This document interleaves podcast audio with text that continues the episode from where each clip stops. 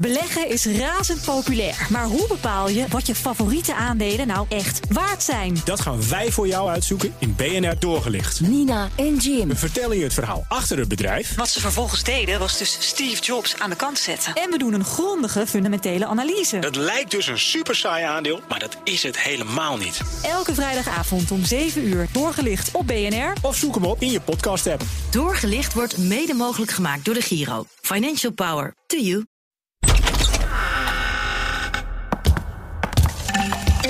Ongeluk volgens mij Pieter Omzicht gebeld om half één s'nachts. Of kwart voor één. Was je dronken? Hij was vrij laat nog online, zag ik. Oh ja, ik, nee, ik- ik was dus eh, mijn oude appjes aan het lezen. En ik probeer me heel erg in te houden van... die man is overspannen, dus ik ga hem niet meer bellen of appen. Doe dat niet, Sophie. En toen dus eh, ik die appjes even terug, teruglezen...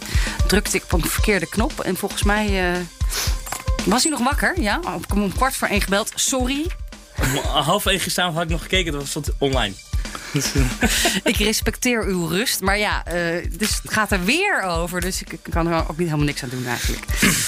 Ja, we kunnen er ook niks aan doen. We gaan het vandaag in Nieuwsroom Den Haag hebben over Pieter Omtzigt. En over een heleboel dingen die ermee te maken hebben. In de studio, Thomas van Groningen, Sophie van Leeuwen. Ik ben Mark Beekhuis, Nieuwsroom Den Haag dus. En het is vandaag vrijdag 11 juni. Zullen we het hebben over die, eh, die beruchte 76 pagina's... die we sinds gisteren eerst via de Limburger... en daarna via Geen Stijl konden lezen? Ja, Ja. Omtzigt nam dus niet op vannacht. Ik heb wel een paar andere CDA'ers gesproken. Jij ook? eh eh, echt off the record, hè? Want het, alle luiken gingen dicht. Interviews werden afgezegd. Ik had een deal met eh, de opvolger van Omzicht, Henry Bontebal. Vandaag in de Friday Move zal hij langskomen. Nieuw Kamerlid. maar hij komt niet. Werd ook gisteren om kwart over elf afge, afgeappt. Sorry, we doen geen interviews. Heel Ja, ik- slecht vind ik dat eh, voor de nieuwe politieke cultuur en de transparantie. Volledig begrijpelijk. Die partij moet nu in crisis zijn. Zelfs als ze dat niet zelf vertellen, dan mogen we dat van buitenaf toch wel. Ik had er gekke- gewoon over praten. Een gek moment gisteren toen dat bericht binnenkwam van de Limburger. Want ik was toen op BNR en ik was een verhaal aan het vertellen over de formatie. En toen werd ik onderbroken door de presentatoren in de studio in Amsterdam. En die zeiden, er komt net nieuws binnen. En die lazen eh, de eerste drie regels van dat Limburger artikel voor. Teringhond. En toen, en, eh, teringhond en al die dingen. En toen was het... Dus Thomas, wat betekent dit voor de formatie? Eh, Ja, dat is, daar moeten we het ook over hebben. Maar laten we het eerst eens even hebben. Wat betekent dit voor het CDA, vroeg ik mij af. Want als het CDA, als het CDA er niet meer is, heeft dat gevolgen voor de formatie. Nou, ik heb, de, ik heb twee mensen gesproken gisteren die dus wel opnamen. De ene zei, dit is heel slecht voor de partij. Slecht voor Wopke Hoekstra, de partijleider. Die toch wel ja, eh, een beetje gek en, en slecht in beeld komt in, in, in die 76 pagina's. Maar ook niet zo goed voor Pieter om zichzelf. Die eh, wordt neergezet als iemand die, die misschien ook eh, een beetje in de war is of zou kunnen zijn.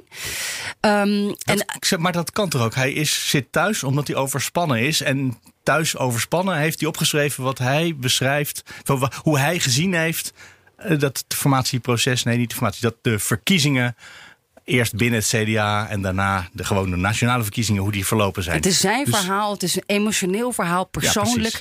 Heel Maar ik veel dingen ook herkenbaar, vind ik. Maar oh, eh, ja, ik heb hem in de wandelgangen ook, ook gezien. En, en, en daar was hij ook heel emotioneel rond de toeslagenaffaire. Zeker, ja. Dus eh, Ik heb niet alles gelezen. Ik heb heel veel kleine fragmentjes in mijn Twitter-timeline gezien. En ik heb een- denk ik een heel aardig beeld. Want het kl- klopt precies met wat hij in alle interviews gezegd heeft. Behalve dat het wat persoonlijker en wat emotioneler is. En eh, nou ja, wat hij ook in het boek geschreven heeft. Maar ik heb het al twee keer zelfs gelezen. Ik ben er vannacht... Ik wou eh, zeggen, voor de eh, mensen thuis die dat ook niet allemaal, die 76 pagina's doorgeakkerd hebben. Toen ik, hem, toen ik ging slapen, dacht ik, ik begin er nog een keer aan. Kijk, je zegt emotioneel, en dat weten we ook van ontzicht, dat hij hoog in zijn emoties eh, heeft gezeten of zit. Hij heeft wel geprobeerd in dit document dingen zo feitelijk mogelijk op te schrijven. Maar er staan wel beweringen in die wij niet kunnen checken. Die we niet weten of ze waar zijn. Die hij ook van horen zeggen heeft. Ehm, Noem eens een paar voorbeelden van de, de beschuldigingen die erin staan. Voor de mensen die het document echt niet gezien hebben. Nou, bijvoorbeeld iets wat, wat, wat, wat we echt niet kunnen checken is eh, dat hij beweert dat er een miljoen euro eh, van drie donateurs is ge- ge- eh, binnengekomen bij het CDA. Dat dat niet gemeld is bij het ministerie van Binnenlandse Zaken. Nou, dat, dat moet nog gebeuren, want je moet dat na afloop van het jaar. Hey, dus bij je belastingaangifte doe je over 2021 meld je bij het ministerie van Binnenlandse Zaken als partij welke donaties je hebt ontvangen. Dus we Dus kunnen de dat niet donaties checken. voor de verkiezingen van twee maanden terug, die zullen we pas in het volgend kalenderjaar horen. Nou, niet helemaal, want de meeste partijen hebben natuurlijk hun eh, donaties al. In een jaar daarvoor, ja. Juist. Maar Ja, als er maar misschien mensen CDA. zijn die op het laatste ogenblik ingesprongen zijn. Dat kan, ja, dat kan. Maar wat hij daarbij beweert is dat er ook daadwerkelijk invloed. Nou ja, gekocht is een groot woord, maar dat, dat, die, dat die donateurs invloed hebben gekregen. Ja, dat hij bij Hoekstra ineens dingen hoorde die niet per se des CDA's waren en wel voor het midden en Ja, Van Rij, die, de, de, de, interimvoorzitter, ontkent dit. Ja. En die zegt ook, we, hebben, we houden ons aan alle regels. Ja. Eh, het is ook niet te checken voor ons. Dus dat zijn wel beweringen die ons zich doet. Ook over ehm, triviale dingetjes als Hitler-snorretjes die getekend zouden zijn op verkiezingsborden van hem in de war room, hè, op het partijkantoor. En die borden zouden daarna verbrand zijn. Ja, dat zijn dingen. Ik heb het gevraagd aan mensen die dat misschien zouden kunnen weten. Nou, de meeste mensen willen niks zeggen. Maar het is niet te verifiëren of dit zo ik hoorde is. dat jij 80 mensen gebeld hebt. Ja, was- grofweg. was Zelfs als het overdrachtelijk is. Maar. Dat is extreem wel heel veel mensen gebeld Maar wel veel geprobeerd, ja, gistermiddag nog. Ja. En ook de redactie hier in Amsterdam heeft En de echt heel veel mensen... telefoons gingen alleen maar over, hè? gingen alleen maar over, ja. En in de wandelgangen bij het CDA was niemand. Eh, Nee, daar Joba- heb ik wel een prachtige foto van de vloer gezien. Want omdat daar niemand op stond nu, kon jij ineens een hele mooie foto maken van de vloer, voor de CDA-kamer. Ja, dat is dan een prachtige vloer. Serieus. Eh, maar er was daar mooi. niemand. Alleen Joba van den Berg, eh, CDA-kamerlid, kwam ik daar tegen. En die zei, ik ga hier niks over zeggen. We gaan hier niks over zeggen. Ik verwijs u graag door naar het partijbestuur. Fijne avond. En toen liep ze weg. Ehm, dus dat was een beetje de sfeer gisteravond. We konden dit bij niemand Nee. eh, checken. En op dit moment eh, Maar ik wil nog er- heel eventjes, want dit was dit ene waarvan je zei... eh, misschien is het eh, niet waar, misschien is het wel waar. Omtzigt beweert dit. Dit document was ook niet bedoeld om in de openbaarheid te komen. Nee. Dus wat dat betreft is het misschien ook niet zo gek. Maar wat voor soort... eh, wat, wat, wat, wat, er staan heel veel dingen in die 76 eh, pagina's. Heel veel. Ik kan ze ook niet allemaal opdreunen, hoor, maar nee, maar noem er eens een paar opmerkelijke uit. Die misschien kloppen, die misschien niet kloppen. Maar in ieder geval die in de beleving van Omtzigt belangrijk zijn. Eh, nou ja, hij beweert ook bijvoorbeeld. dat vind ik ook wel een interessante. De, de, de voormalig voorzitter van het CDA, Rutger Ploem, die krijgt het er flink van langs. Dat is overigens de man die opstapte toen de verkiezingsuitslag tegenviel voor het CDA. Maar Ploem zou hem beloofd hebben, zegt Omtzigt, dat hij lijsttrekker zou worden van de partij als Hugo de Jonge ermee stopte. Ja, maar dat is blijkbaar niet op papier gezet. Dat, is, dat blijft een beetje ook in het midden. Is dat een belofte geweest in een wandelgang? Eh, hoe hard was die belofte eigenlijk? En hij zegt eigenlijk: Ja, nee, goed. ik was de opvolger van Hugo de Jonge. En niet Wopke Hoekstra. Nou ja, Wop Koek staat er niet eens mee met de lijsttrekkersverkiezingen. Dus dat is... Maar aanvankelijk stond Omtzigt juist vierkant achter Hoekstra. Hè, toen hij nog wel in de eerste instantie de, de kroonprins van het CDA leek te zijn. Dat is ook waar. Wat staat er nog meer in? Wat voor soort eh, opmerkelijke zaken hebben jullie eh, voorbij zien komen? Nou ja, appjes natuurlijk die dan gestuurd Ja, al die werden. lelijke woorden. Eh, lelijke woorden, ja, ik hoef ze niet te herhalen. Eh, maar ook dat hij dan in beeld komt bij Op 1 een talkshow. En dat dan eh, er iemand binnen de partij appjes krijgt van een ander. Die hem echt helemaal uitscheldt. Van, en hij maakt die de partij kapot. En, en nou ja, nazi wordt hij genoemd. En kijk, we weten uit de wandelgangen wel dat dat heel vaak werd gezegd met omzicht. Eh, is het ingewikkeld, moeilijk mee samen te werken? Mhm. Dat hoor je ook van andere partijen, dus hè, van eh, collega's van andere fracties die hem kennen. Dat het soms heel erg ingewikkeld was. Nou ja, die scheldwoorden, dat, ja, die had ik dan nog niet gehoord. Of van, hè, dat mensen zeggen, eh, het is ook nog een psychopaat of iets dergelijks. Of een klootzak. Maar oh, nu herhaal ik ze toch. Sorry. Nou, niet zo netjes allemaal. Wat, wat, wat we hier lezen in, in appjes. Ja, die dus meegaan in de evaluatie van eh, die campagne, die mislukte campagne van het CDA. ja.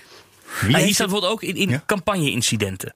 Op aandringen van Tijn van Veghel en Nelke Weltevreden is een medewerker van de, aan de campagne gevraagd om geen werk te doen voor Pieter Omtzigt. Terwijl dit wel zijn verantwoordelijkheid was. Dit betrof een fractiemedewerker die voor Kamerleden werkt. Eh, die twee namen trouwens, dat zijn twee eh, woordvoerders voor het CDA. Die zouden dus. Het is best een harde beschuldiging. Iemand die dus gewoon in dienst is om werk te doen voor Pieter Omtzigt. Daar is tegen gezegd: doe maar niet meer voor Pieter Omtzigt. Ook is er een beschuldiging, dat gaat over de, de uiteindelijke lijst hè, voor het CDA, waar ook veel discussie over was. eh, Wie er dan wel niet op zou staan. Eh, Bijvoorbeeld Chris van Dam van de, de commissie toeslagenaffaire. Die stond heel laag op de lijst. En dan eh Luciel Werner van Lingo heel erg hoog. En de persoonlijk medewerker van Hugo de Jonge. En Omtzigt die, ja, die, die zegt hiervan... ehm, eh, mensen werden gevraagd, heb jij, eh, ben je van team Omtzigt of ben je van team de Jonge? En dat zou een rol hebben gespeeld in hoe hoog je op die lijst Ja, wordt ontkend staan. overigens door Jack de Vries, die daarbij betrokken was. Hè. Dus die, Ja, die Ja. natuurlijk ook een belang daarbij heeft, want die werkt Ja, eh, maar mee aan de campagne stond- op dat ogenblik. Jij zegt de persoonlijk medewerker van Hugo de Jonge, Bart van der Brink, maar die stond toch niet zo heel hoog? Nou, die stond wel op een plek dat. eh, op het moment dat je gaat meeregeren, zou hij doorschuiven richting de Tweede Kamer. Nou, Dus plek toch- 22. nou ja, als je in het kabinet zit, dan, eh, dan schuift hij door. Ja. Dus ehm, ja, heel veel beschuldigingen waarvan we ze niet allemaal hard kunnen maken. En die ook worden te- tegengesproken deels. Dus in die zin ook een beetje een omstreden document. Maar wel Er recht zijn uit het natuurlijk hart. meer van En dit soort documenten van andere betrokkenen. Want die commissie die hiermee bezig is, commissie Spies, intern bij het CDA, was allemaal niet bedoeld voor ons. Die krijgt natuurlijk van heel veel betrokkenen. Ook van misschien Jack de Vries. Dit is zo'n zo'n eh, zo'n memo. Ja, en, en misschien ook van Chris van Dam en al die andere mensen die, je- die niet mee mochten doen, die buitenspel stonden in dat eh, nieuwe CDA. En het gaat ook over de koers hè, van het CDA. Zwabberend noemt om zich het. Een, Geen- lege, een lege agenda eh, las ik. En dat is natuurlijk wel eh, precies. Nou, daar hebben we het in deze podcast vaak over gehad. Dat de verkiezingen nergens over leken te gaan. En dat vond dus omzicht ook. Maar dat is een van de meest interessante, denk ik, het grootste globale plaatje wat we hieruit moeten halen. Is dat hij omschrijft allerlei incidenten. Nou, die incidenten, een deel daarvan zal vast gebeurd zijn. Een deel daarvan zal misschien eh, in zijn beleving wat heftiger zijn geweest. En een deel daarvan is misschien eh, onjuist. De- Ik denk dat we, hè, iedereen focust nu op de incidenten. Ook alle nieuwskoppen gaan over de teringhond. Maar wat eigenlijk hier, hieronder ligt, en dat is denk ik een veel eh, eh, prangendere kwestie voor het CDA, is dat hij zegt dat die partij eh, niet meer weet wat, waar het CDA voor staat. Dat het CDA geen waarde meer heeft. Dat het CDA met alle winden meewaait. Als een planbureau zegt, dit is goed voor Nederland, dan zegt bestuurderspartij CDA, dat nemen we over. Als een lobbyist goede ingang heeft bij het CDA, dan lukt het hem vrij makkelijk, of haar, eh, om eh, de partij van koers te laten veranderen. En dat is denk ik de, het meest interessante wat hierin zit. Het CDA heeft geen lijn, geen, geen visie, geen, er zit geen onderliggende gedachte meer achter. Ja, en ook een diepe frustratie bij omzicht dat hij jarenlang ook buiten belangrijk overleg is gehouden. Al dan ging het over financiën of belastingen. Dat is dan bijvoorbeeld het bewindspersonenoverleg. Dus dan zit je met eh, belangrijke mensen uit je eigen partij. En dan misschien ook de, de belangrijke mensen uit de Kamer die dan input kunnen geven. Hij zegt: Ik ben niet gehoord over allerlei eh, zaken op het programma van het CDA.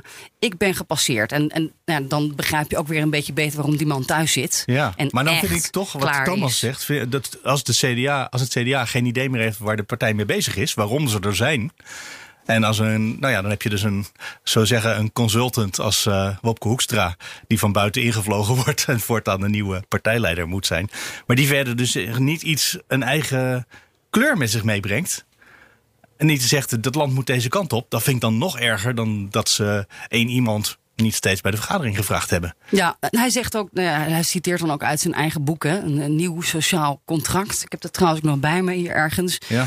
Eh, we, we, we tekenen eigenlijk alleen maar weet je, bij het kruisje voor de planbureaus. Van hier een procentje erbij en een kommaatje links en rechts. En eh, dat is hoe het CDA eh, eh, naar de toekomst kijkt. Ik citeer- Modellen, mo- eh, maar geen verhaal. Het gebrek aan inhou- inhoudelijk debat en aan concretisering van de beginselen in praktisch uitgewerkt beleid binnen de partij is een grote zwakte die al langer doorwoekert. De partij loopt daarmee het risico haar bestaansrecht te verliezen. Veel tijd is er niet, want of het nog de vormer kabinet vier jaar blijft zitten is zeer de vraag. Drie parlementaire enquêtes zullen het niet stabieler maken. Het is dus van het grootste belang dat het CDA-beleid zo snel mogelijk concreet gemaakt wordt. En dan heeft hij het over een, een, eh, een koers die een paar jaar geleden hè, na eh, Rutte 1 dus al is opgesteld. Dat was zij aan zij. Hè. Daar is een soort van christendemocratische lijn bedacht. Alleen zegt hij, het is allemaal niet concreet. Het is allemaal heel globaal. En we waaien een beetje met de wind mee. En dan kijken we af en toe of het wel past bij het zij aan zij principe van het CDA. Maar concreet wordt dat nooit. nooit zoveel over gehoord. Dat zij aan zijn principe. Nou, kan je, ik kan je dat voor mij iets minder concreet maken? Nou, ik dacht gisteravond laat ik dat eens even opzoeken. Maar toen zag ik weer hoeveel, hoeveel pagina's dat was. Toen dacht ik, nou, ik moet Die er ook- 76 pagina's heb ik al gehad. Ja, ik moet nog een keer gaan slapen. Dus daar kom ik volgende week op terug. Maar eh, dat is, daar, en hij zegt dan ook dat, dat, eh, dat we dus een beetje achter de SER en de dingen aan, aan, aan rennen. En achter lobbygroepen. Ja, de, de, Wat- ja. de modellen die Sofie net Ook heel interessant is dat hij eigenlijk zegt: eh, wij, dus het CDA, wij gingen de verkiezingen in met, met wel doelen of verkiezingsbeloftes, zoals een, eh, een lager eigen risico, herstel van de studiebeurs, meer woningbouw, eh, algemene invoering van de maatschappelijke dienstplicht. Dus om zich ook heel erg voorstander van. Is allemaal niets van terechtgekomen.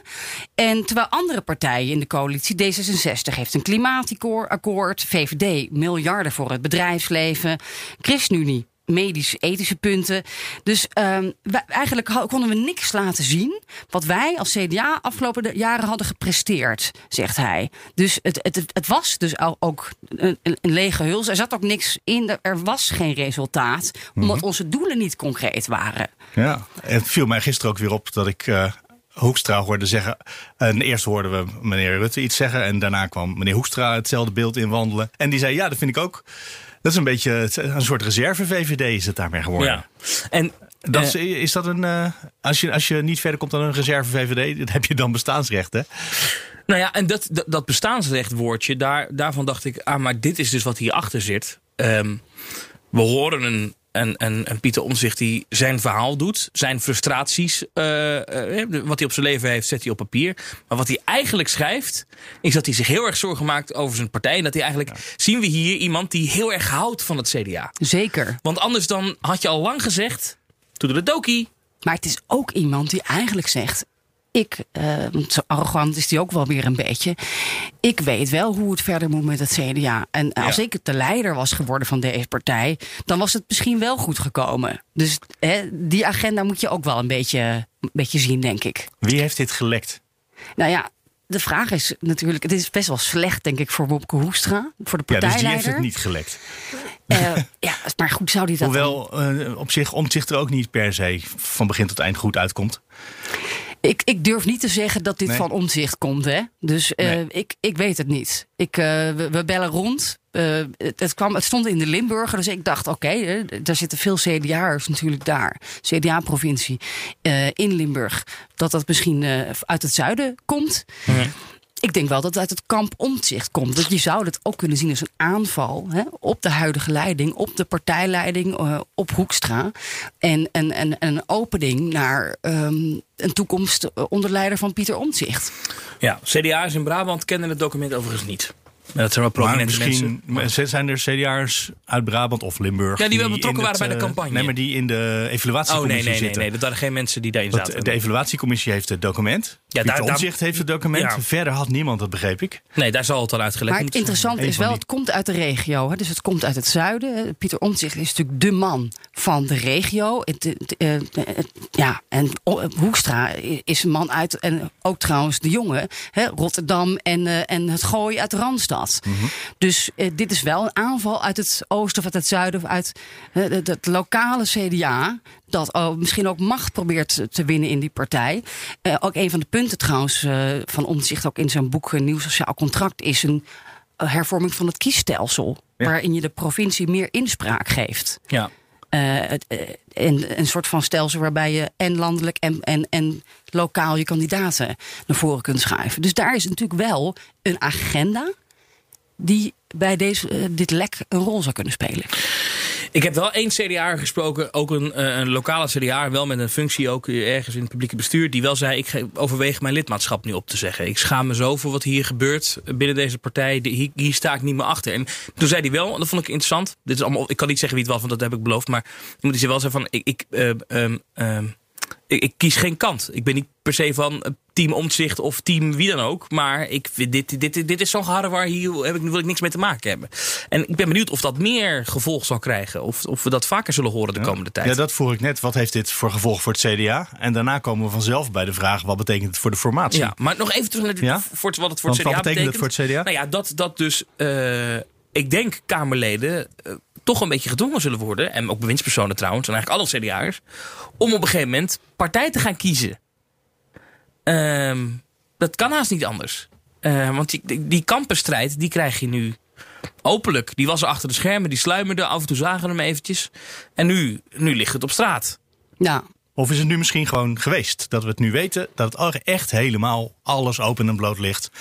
En dat het, nou ja, zoals het ook met het eh, totale wantrouwen in premier Mark Rutte ging. Ja. Zo gauw de notulen op tafel lagen, toen was alles gedaan. Oh, oké, nou dan kunnen we gaan regeren. ja dus dit zou helend kunnen werken, suggereer jij. Dan hebben we dan straks Nou, die de- ja, helend klinkt wel heel erg opgewekt, maar dat het in ieder geval... eh, nee, maar, we hebben een rapport voor de zomer. deze beerput kan niet heel veel dieper zijn. Dit ging helemaal Dit was fout. het, ja.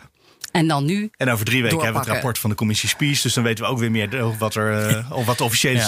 CDA-lezing is. Ja, ik denk, eerder, ik, ik denk dat dat zelfs zou gaan, Mark. Dat denk ik. Ja? Ja. Ik zie nog niet nu een scheuring in de partij. Ik denk dat uh, Omtzigt uh, heel veel fans heeft. Uh, nou, Als het waar is, kan Hoekstra dan blijven? Want bijvoorbeeld 10 miljoen, waar, je het, uh, waar jij van zegt, die weten we niet. En dit, dat weten we niet. Nee. Uh, maar als er inderdaad een miljoen aan campagnegeld is gekomen, daarna is het partijprogramma een beetje aangepast. En trouwens, de lijsttrekker is ingeruild. Dat klinkt als. Nou, ja, ik, ik hou erg van Koreaanse tv-series die je op Netflix goed kan zien. Gaat allemaal over corrupte politici. Daar klinkt het een beetje naar. Een scenario mm -hmm. van totale corrupte politiek. Als dit waar is. Kan dan Hoekstra blijven? Ik bedoel, Rutte kan ook blijven nadat hij gewoon loyaal de Kamer heeft voorgelogen. Dan vindt niemand erg meer. Nou ja, alles kan. Maar als Hoekstra dan blijft. Kijk, wat. wat of, of we, we draaien het nu om. Hè? We, we zeggen ja? nu, kunnen die mensen blijven? Je moet hem even omdraaien. In die zin, kan omzicht blijven. Nee, ik denk dat omzicht een lastige positie in het CDA heeft, maar altijd gehad heeft. Maar als, als het echt inderdaad corruptie tot de top van het CDA is, kan dan de huidige lijsttrekker, minister van Financiën, ja, dat, kan die, ja, dat, nee? dat, dat, moet dan blijken. Dat, is, dat vind ik moeilijk om te beantwoorden. Maar het, wat, wat wel, als je dit gelezen hebt en ja? je weet wat die man overkomen is, dan is, zou het toch heel gek zijn als hij nu straks weer in die fractie gaat zitten en weer samen moet werken met die mensen over wie hij dit nu schrijft. Want hij noemt allerlei mensen. Hij heeft het ook over mensen die nu nog werken hmm. uh, voor de fractie. Die hem tegengewerkt hebben. En dan moet hij straks dan weer mee samenwerken. Ja. Moeten dan eerst al die mensen die hem tegengewerkt hebben eruit? Het hangt er heel erg vanaf wat er in dat rapport van mevrouw Spies gaat staan, denk ik. Ja. Als die zegt dit klopt allemaal, dan zijn die anderen het probleem. En dan is hij de oplossing. En de vraag is, als dus om zich terugkomt, zijn zetel weer inneemt. En hij kiest ervoor uh, om te blijven. Nou, dan moeten er dus mensen weg bij het CDA. Dat kan niet. Of, ja. of, of je krijgt een heel verstoorde arbeidsrelatie. Want dan heb je collega's waarvan je weet dat die je tegengewerkt hebben. Dat gaat, wordt nu niet gezellig. Of hij zegt, ik stap op. Neemt hij dan zijn zetel mee? Of dat, dat, ja, dat is net zo speculeren. Ja, ja, dat, ook niet. dat nee. gaat alle kanten op. Wat ik hoor van een CDA-bron is dat dit echt uh, onbestaanbaar is. Dit gebeurt niet in Nederland. Ik ja, weet maar niet je of hoort dat al zo heel is. lang dat er geen maar, corruptie is in Nederland. Maar dat blijkt steeds tegen te vallen. Ja, in Limburg wel, hè? Of nou, misschien in Nederland, wel. Noord-Holland. Je, je bedoelt die, je bedoelt die donatie. Provinciale staten gehad, ja. Ja, dus maar, ik weet het niet, hè, jongens. Maar um, het, het, wordt dus achter de schermen echt ontkend van dit had dit Rutger Ploem, dus de, de voormalige ja. voorzitter, die is afgetreden na. Het, ja, maar dat ging over de verkiezingsuitslag. De dat ging niet over iets anders. Nou, ja, we weten ook niet wat er nog meer is gebeurd achter de schermen. Maar dat dit had hij nooit, die had ze uitgelachen. Die, uh, die donateurs of de MKB of de lobbyisten die zijn programma zouden willen ja. bespelen. Even maar voor de duidelijkheid. We zien het wel hoe het afloopt. Iets rechtzetten. Het ja. overzicht giften en schulden politieke partijen Tweede Kamerverkiezingen 2021. Dat we hebben gezien, dat loopt ja. tot en met 24 februari 2021. Oké. Okay. Dus het is niet een kalenderjaar, maar tot en met die periode vanaf 2019. Zo heeft het ministerie. Het zit toch wel redelijk kort op de Precies. verkiezingen. Het zit er redelijk kort op, ja. Maar dus dat zou dan in de, die, die donatie wisselde... van een miljoen... zou dan ergens in de twee, drie weken voor de verkiezingen... Uh, binnen moeten zijn Er zijn toen wel een aantal andere gekke dingen gebeurd, weet je nog? Hoe rijk D66 opeens was en de Partij voor de Dieren. Er waren allerlei donaties. Dat waren donaties die netjes gemeld waren. Ja. Daar was ophef over dat dat zo'n probleem was. En dat was heel goed voor de campagne, weet je nog? Ja. Die konden overal inkopen op de voorpagina van het FD. Ja, maar ze lagen ook overal onder vuur filmpjes. ineens. 11 Ja. december was die avond dat uh, Hoekstra lijsttrekker werd. Dus dan heeft het nog drie, drie maanden de tijd gehad om uh, een miljoen binnen te harken. Nou, het kan ook zijn dat, je hem, dat ze hem pas... Ge maar dat, Ja, nu moeten we hard op gaan denken. Nee, maar ik ga even hard op denken. Ik, ik, ik weet niet hoe de wet voorschrijft dat als je een donatie binnenkrijgt... binnen welke termijn je hem moet melden. Ja. Snap je? Dus het kan zijn dat ze hem pas gemeld hebben na 24 februari... maar dat de donatie wel degelijk eerder binnen is gekomen. Ja, dat is ook weer waar. Maar heb je dan misschien bewust die melding niet gedaan... Uh, voor die datum, omdat je weet dat het dan openbaar wordt. Nou goed, dit is speculeren. Ja. Het is een interessante vraag. Zullen we naar de formatie gaan? Want wat het betekent voor de formatie. Ja, is er überhaupt de formatie nu gaande? Is het niet, ligt dat nu niet helemaal stil? Ik bedoel, gisteren zijn er allemaal combinaties naast elkaar gezet. Hebben we ook in deze podcast besproken.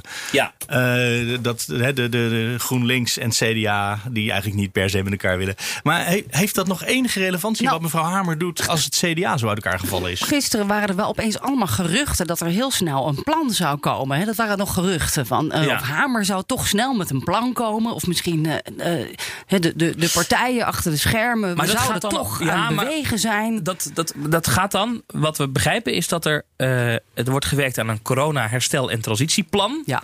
Dus hoe gaan we die crisis uit? En er wordt gewerkt aan welke partijen kunnen eh, een regering gaan formeren. En wat, wat we begrijpen is dat er schot in de zaak zit eh, qua dat corona eh, herstelplan. En dat is nu geschreven. Of da- daar zijn ze in ieder geval een heel eind mee. Die zes partijen die we nu vaak zien: VVD, D66, CDA, ChristenUnie, Partij van de Arbeid en GroenLinks. Die hebben daarover gesproken. Eh, die zijn het daarover eens. Er zijn ook wat clubs geweest eh, die in groepjes langs geweest zijn. Hè? De, de rechtse cluster en de linkse cluster. Die hebben daar ook over gesproken. En wat we begrijpen is dat Hamer aan het shoppen is in de Tweede Kamer om een zo breed mogelijke steun te krijgen voor zo'n plan. En dat zouden we dan wellicht vrij snel al kunnen krijgen. Wellicht volgende week al, hè? Ja, en het idee is dan dat eh, dat dan een soort van begrotingsakkoord is. Of je het zo mag noemen.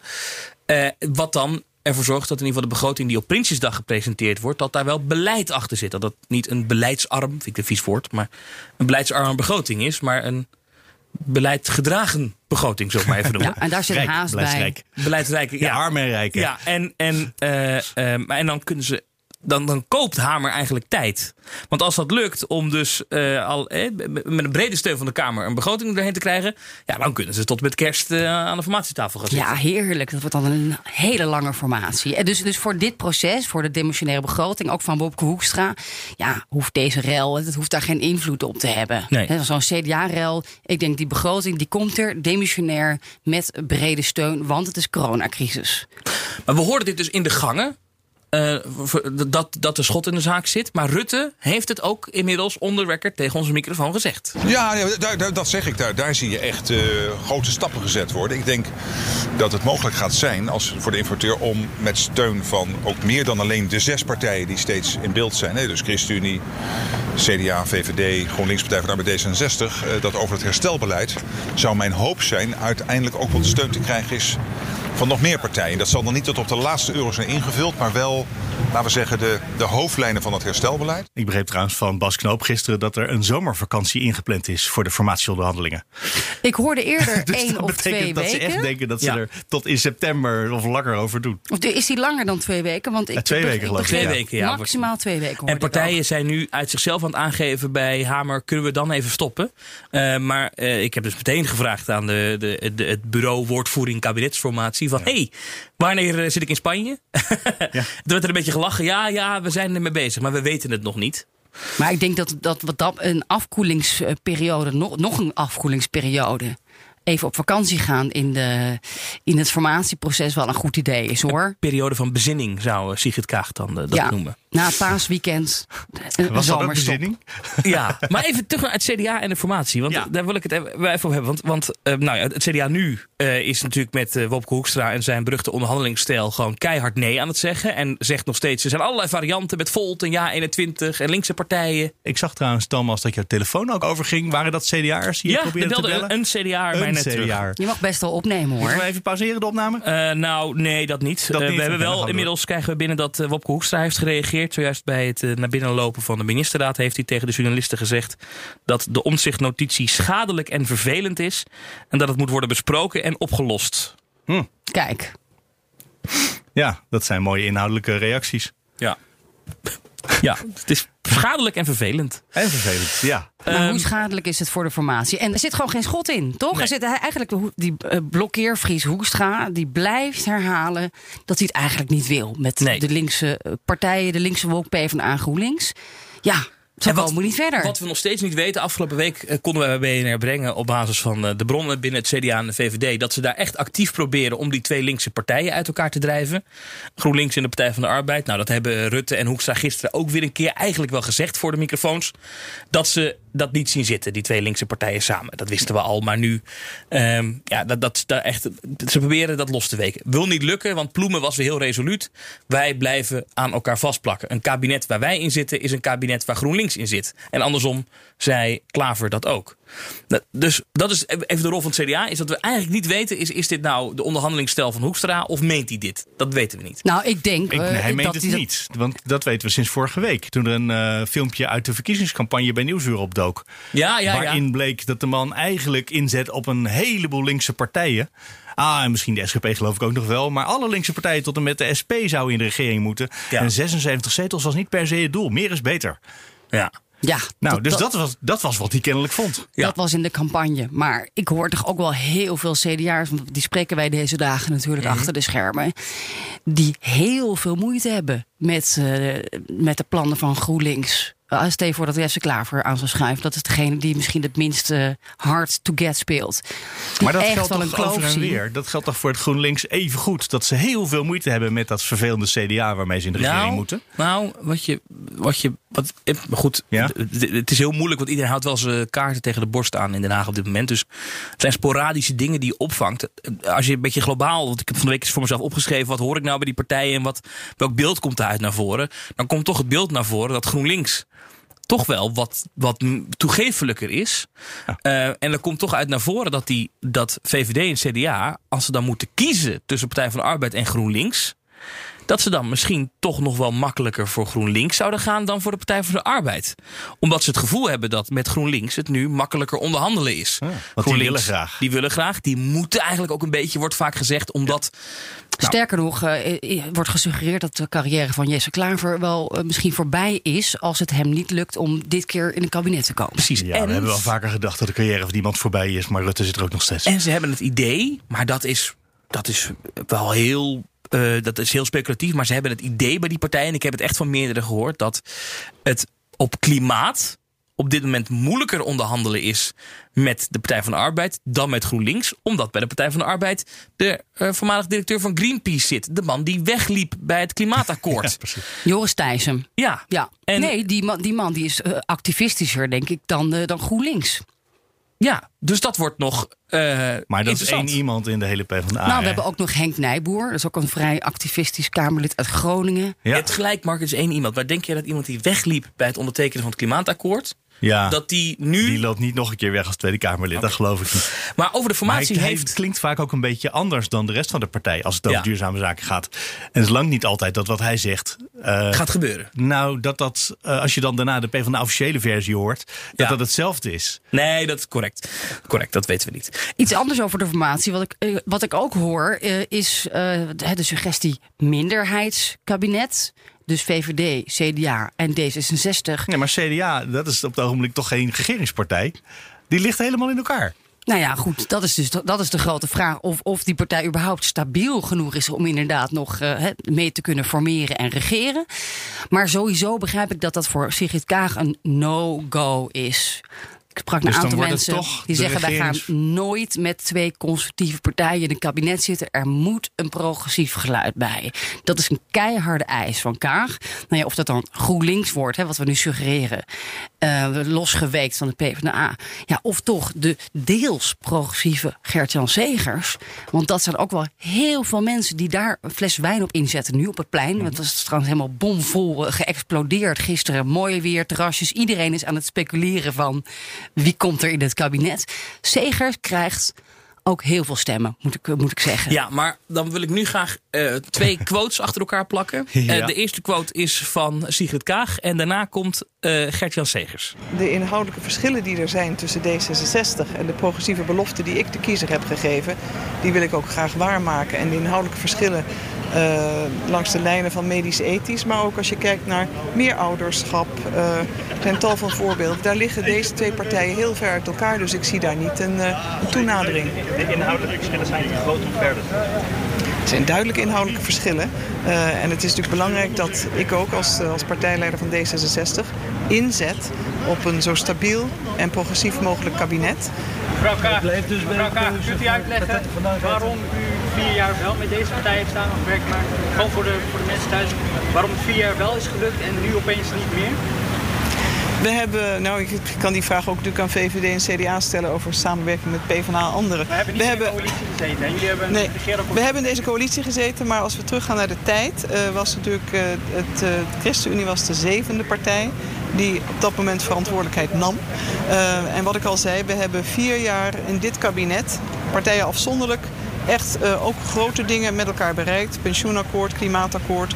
Maar voor wat betreft medisch-ethisch heeft alles stilgestaan. En dat is ook een kernpunt voor D66 waarop wij zoals ik net zei, de kiezer ook hebben toegezegd dat we daar echt vooruitgang in moeten boeken. Denk maar aan embryo's kweken, uh, het meerouderschap, uh, het familierecht. Er zijn zoveel dingen die voor D66-kiezers progressief zijn, gaan over emancipatie. En daar hebben we de kiezersbelofte ook mee binnengehaald. En dat is belangrijk. Dit is een nieuwe ronde en we hebben 24 zetels.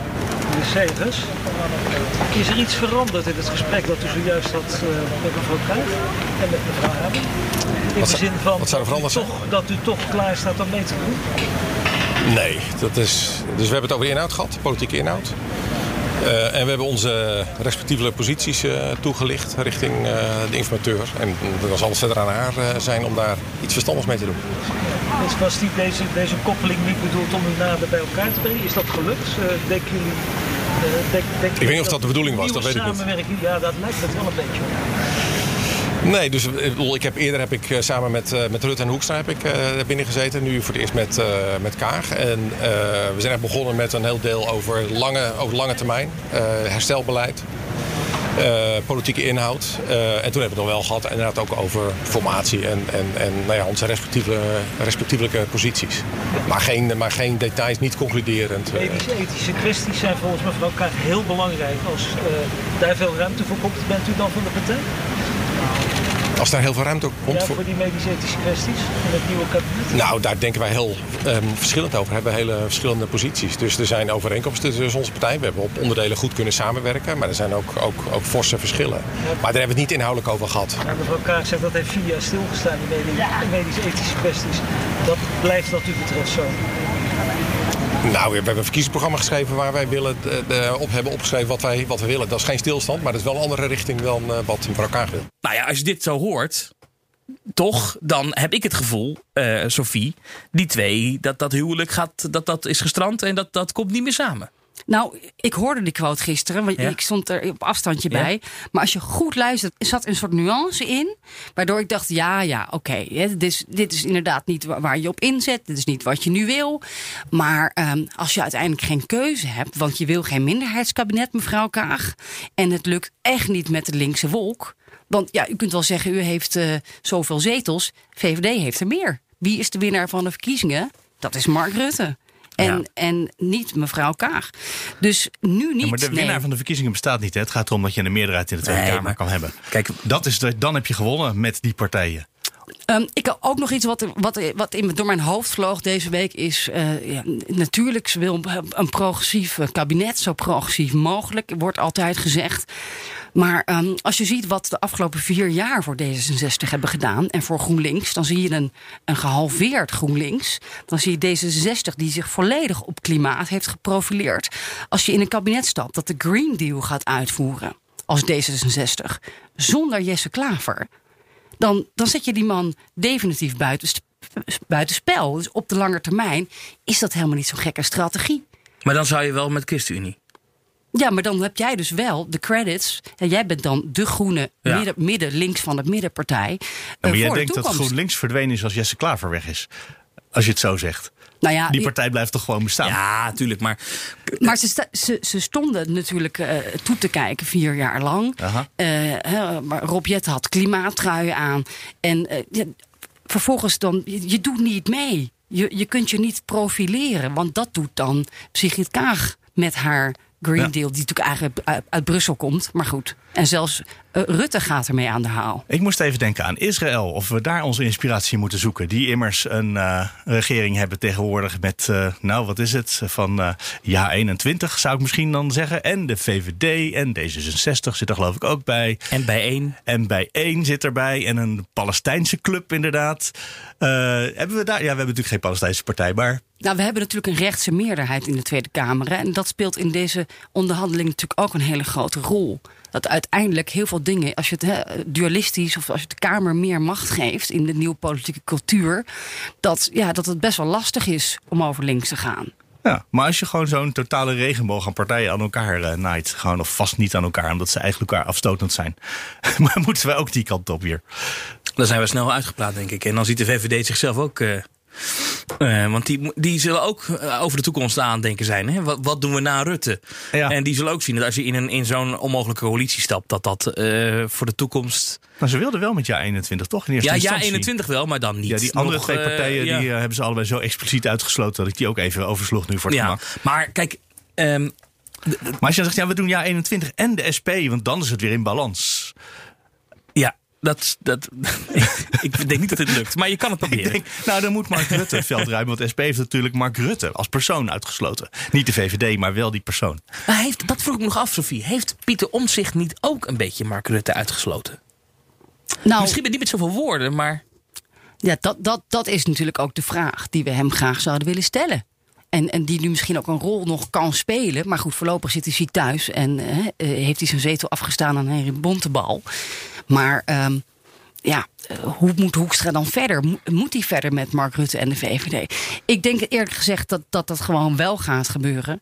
En dat Pieter Omtzigt voorlopig aan de zijlijn staat.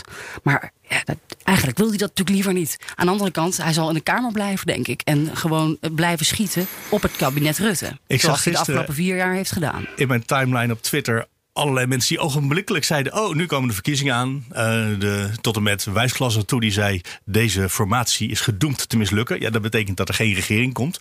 Eh, dat is ondenkbaar, lijkt me.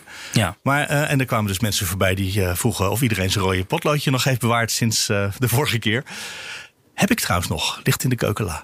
Maar Eh, maar dat- dat ligt daar al 86 dagen. Nou, precies. Maar is dat iets wat eh, zelfs maar enigszins realistisch is? Nieuwe verkiezingen? Ja, is dat, heeft dat hier. Het, het- ik zou het raar vinden, maar is dat iets waar jullie over Nee, je horen? moet, er moeten eerst nog wel echt meer pogingen gedaan worden.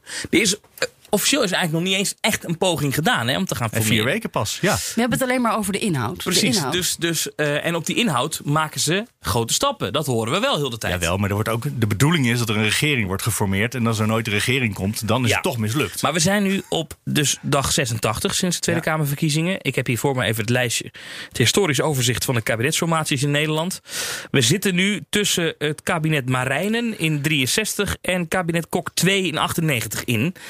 Eh, dat was namelijk was ook een hele 89 lange dagen periode, formeren. ja. Ja. Ehm, maar dat is, eh, dat is nummer 10 in de lijst met langste kabinetsformaties. Dus zeggen. kortom, eh, ik denk dat we wel hebben in de top drie zullen eindigen.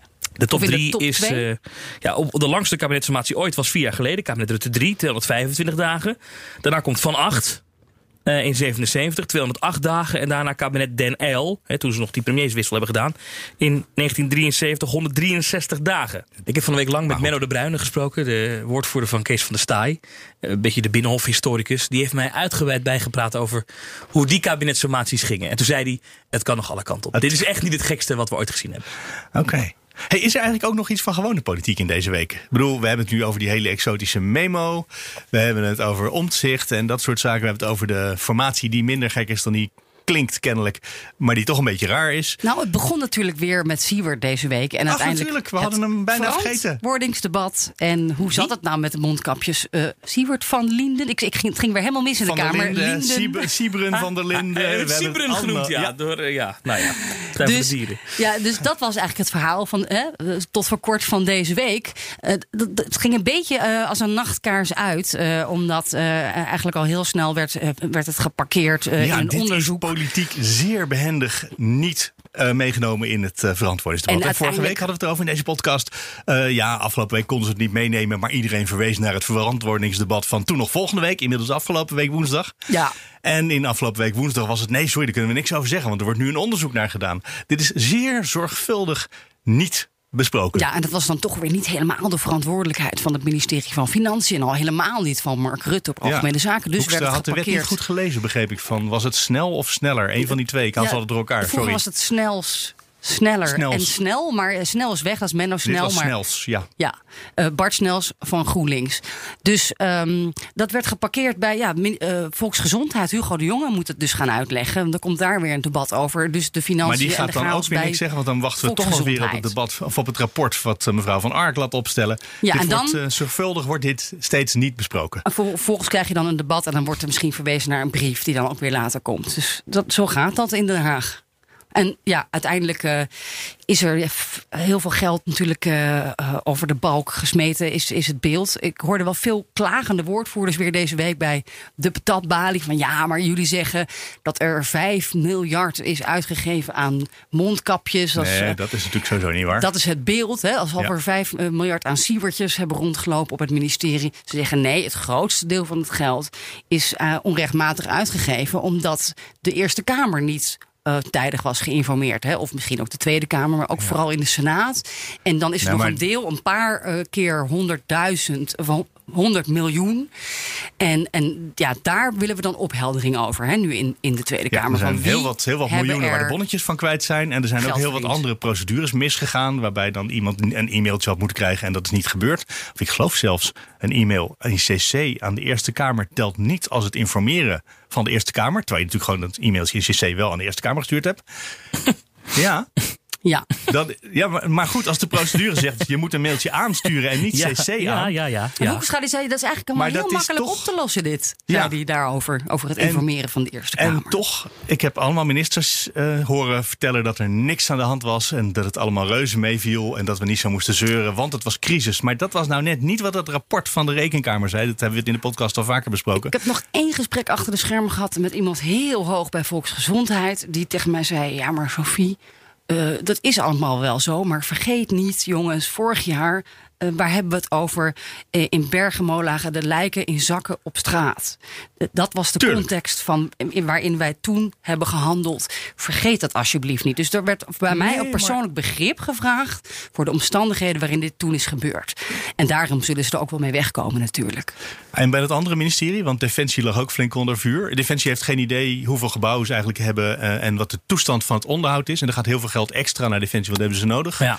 En uh, nou blijkt dat het onderhoud zo slecht gedaan wordt dat al dat geld gaat naar noodreparaties, als ik het een beetje chargeer. Ja, nee, klopt. En, en wat daarvan eigenlijk gezegd werd, dat vond ik interessant in dat debat, is dat de Kamer weet dit al. Dit, is, dit was geen nieuwe informatie. En wat eigenlijk eh, steeds weer terugkwam in dat debat, is dat de Kamer zelf hier ook beter op moet zitten. Mm -hmm. Tuurlijk, de minister moet beter de, het huishoudboekje regelen. En dit, de, de, de, maar de nee, maar als de Kamer aan Defensie vraagt, heb je nou 15 of 1600 gebouwen in uh, de provincie mm. Noord-Brabant staan en de, het ministerie weet niet hoeveel. Was, nee, dat is heel kwalijk. Dan ja. kan je als Kamer natuurlijk moeilijk je controle nee, erop. Maar dus de, de, de, tendens is een beetje dat, dat we hebben eigenlijk 17 miljoen presidenten van de Rekenkamer nodig in Nederland. En in ieder geval 150. Dat was waar D66 mee kwam. Ja. En dus, ze willen, dus de informatie is allemaal niet nieuw. Wat de Rekenkamer signaleerde was eigenlijk al ja, dat klopt. common knowledge. Dus daarom was ook een beetje de oproep deze week. Ja jongens, als je dit al weet, trek ook vaker aan de bel hierover. En daar heb ik ministers op horen zeggen... nee hoor, we gaan één keer in het jaar uitleggen waar ons geld misgegaan is. En ja. zeker niet vaker dan dat. Ja. Want anders is het uh, veel werk of uh, moeilijk. Maar dat, dat, dat, dat, moet, dat, dat is wel iets wat de Kamer eigenlijk zou willen. Ja, en ook dat zou is moeten wat de Kamer volgens mij in een motie ook heeft Zeker. uitgesproken. Ja. Maar Twee keer, toch? De stemming nu? moet ja. uh, nog komen, denk ja, ik. volgende week. Ja, dus dat is dan de vraag. Of ze... En ja, Sieberen van der Linden. ja, van der Linden. Ik, ik, ben heel benieuwd hoe dat, hoe dat afloopt. Ik kan het ook niet zo goed voorspellen. Want het is, ook, het is een beetje een gekke... Dat onderzoek wel... is nog gaande. Dus we weten ook niet zoveel wat daaruit komt. Wat ik ook leuk vond deze week. En volgens mij was dat voor het eerst bij dat verantwoordingsdebat... waar we het net over hadden. Mm -hmm. Dat er mensen in de vergaderzaal op de tribune zaten. Zeker. Je bent weer welkom in, in de Tweede Kamer. Mogen we, maar we mogen niet elke dag komen. Je moet je melden, geloof ik, hè, vooraf. Ik weet ja, niet ik precies hoe dat je zelfs alleen maar op woensdag mag komen dat ik dat hoorde. Dat weet ik eigenlijk niet zeker. Ik, we kijken gewoon even op de site van de Tweede Kamer. Maar ja. het was wel fijn om mensen, mensen te zien. Uh, die, gewoon in het gebouw. Ook, er was ook een, uh, een, uh, een aanbieding van een petitie. Was dan van de CEO van Dirk van den Broek. De supermarktketen om de BTW op groente en fruit van 9 naar 6 procent te halen. En dat Ja. was ook weer in de hal. Ook iets waar, waar ze bij het CDA van gruwen trouwens. En, en wat, ze, wat GroenLinks en PvdA dan natuurlijk heel graag willen. Ja. Een van die En dingen waar ze niet ook, over ja. eens worden. Uh, en er waren schoolklassen. En dat is natuurlijk heel erg leuk en gezellig. Maar ook wel soms dat je even je vingers in je oren moet doen. Want dat galmt dan door die statenhal of over het plein bij die formatie. Ja. Uh, lachende kinderen. Ik heel hoor leuk. ook mensen klagen die hier af en toe weer eens op kantoor komen.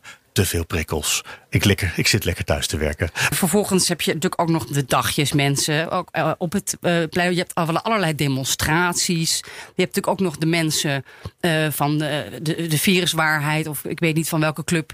Die daar ook nog steeds rondhangen. Het werd weer ouderwets gezellig. Ja, was, eh, en, en, en mooi weer. En de, nou, het was was weer als van ouds eigenlijk. Met ingang van afgelopen woensdag is inderdaad op woensdag 9 juni, 16, 23 en 30 juni en op donderdag 8 juli weer in een aantal tijdsblokken publiek welkom in de Tweede Kamer. Je kan dan op de publieke tribune en je kan de Statenpassage in om een kopje koffie te drinken. En dat moet je reserveren en dat moet je doen via, daar komt die, schrijf even mee, bezoekers.tweedekamer.nl. En dan moet je allerlei gegevens over jezelf achterlaten. En dan kan je dus eh, eh, ja, in twee tijdsblokken van twee uur kan je naar binnen. Wel leuk dat donderdag 8 juli ook open is, want dat is een bijzondere dag. Vertel. Is dat eh, de laatste dag van het jaar? Dat is de allerlaatste dag dat er vergaderd wordt op het Binnenhof. En we hebben geregeld dat jij dan misschien een rondleiding kunt krijgen. Wat leuk. Van, door Menno de Bruyne van de SGP. Wat gaaf. Zou je dat leuk In vinden? het nieuwe of in het oude gebouw? Nee, in het oude gebouw. Dat hebben we nog niet helemaal geregeld, hè? Oh, Menno sorry. moest er over nadenken. Nou, Dus oh, anders- Nou, misschien hebben we hem nu geconfronteerd ermee dat het doorgaat. Ja. en dan gaan we daarna door naar de barbecue. Daarna gaan we heel hard huilen en dan barbecuen en eh, misschien een En biertje dan erbij. wakker worden bij het nieuwe, nieuwe gebouw voor de komende 15 jaar. Ik krijg ook een rondleiding trouwens. eh, Door het nieuwe gebouw. ja, 23 juni. Oké. Of zal ik je nog even die, die schoolklas laten horen? Die, oh, die eh, zo door de, galmen, door de, door de gangen galmde? Die zaten dus eh, eh, weer onder dat afkapje bij de Ridderzaal, waar wij ook laatst onder de regen eh, Ah. hebben geschuild. En daar schuilden ze voor de zon. Eh, een hele groep kinderen, elf jaar, eh, die waren als een soort van voetbalsupporters de formatie aan het watchen. Terwijl wij er met onze hengel stonden. En eh, het duurde maar langer. Het was een heel lang gesprek tussen Klaver en, en Hoekstra. Vond ik wel opvallend.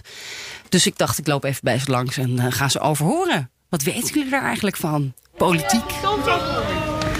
Tom. We staan hier bij de formatie. Eh, wat is een formatie eigenlijk? kletsen welke politieke partijen samen gaan werken. Heel goed. Nadenken over een nieuwe regering. Weten jullie wie hier binnen zit op dit moment? Klaver.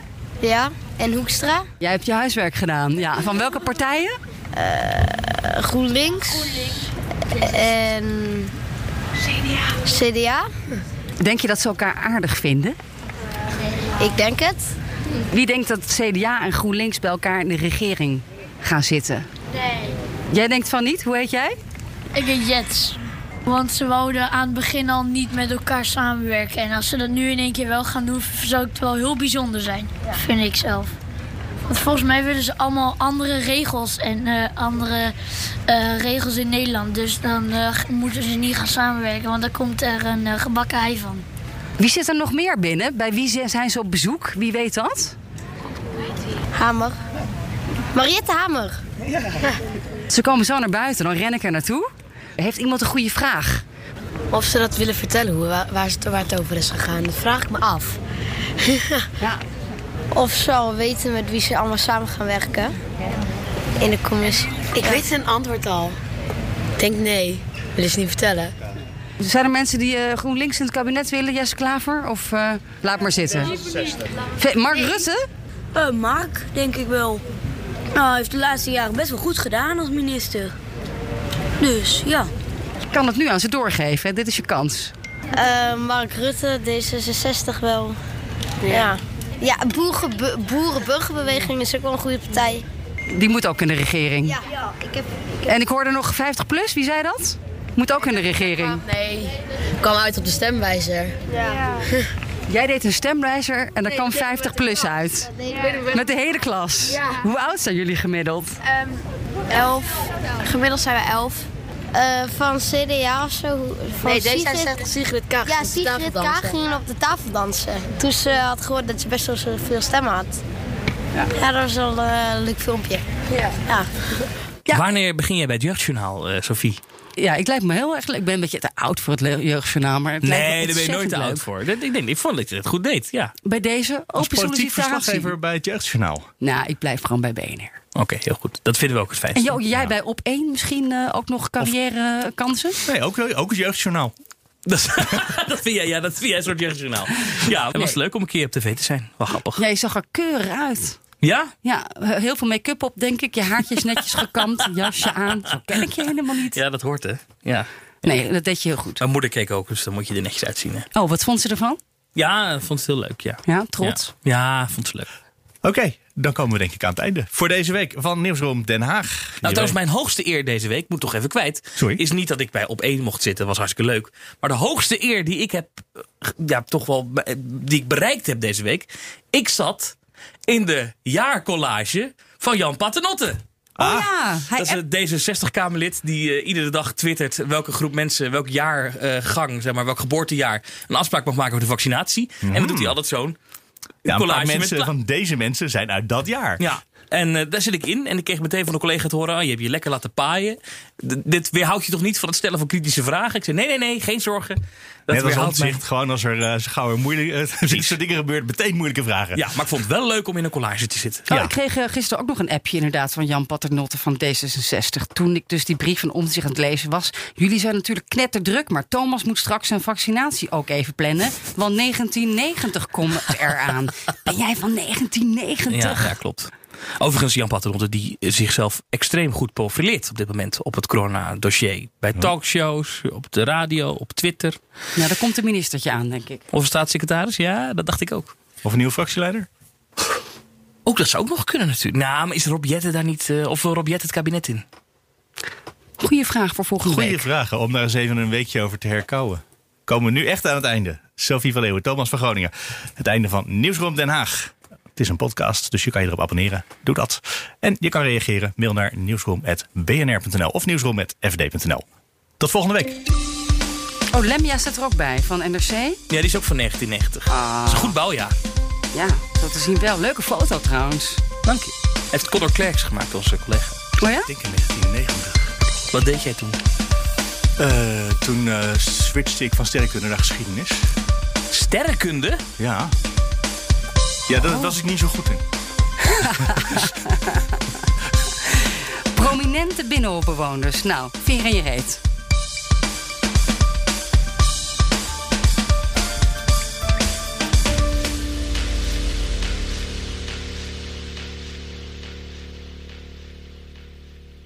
Beleggen is razend populair. Maar hoe bepaal je wat je favoriete aandelen nou echt waard zijn? Dat gaan wij voor jou uitzoeken in BNR Doorgelicht. Nina en Jim. We vertellen je het verhaal achter het bedrijf. Wat ze vervolgens deden was dus Steve Jobs aan de kant zetten. En we doen een grondige fundamentele analyse. Het lijkt dus een super saai aandeel, maar dat is het helemaal niet. Elke vrijdagavond om 7 uur doorgelicht op BNR. Of zoek hem op in je podcast app. Doorgelicht wordt mede mogelijk gemaakt door de Giro. Financial Power. To you.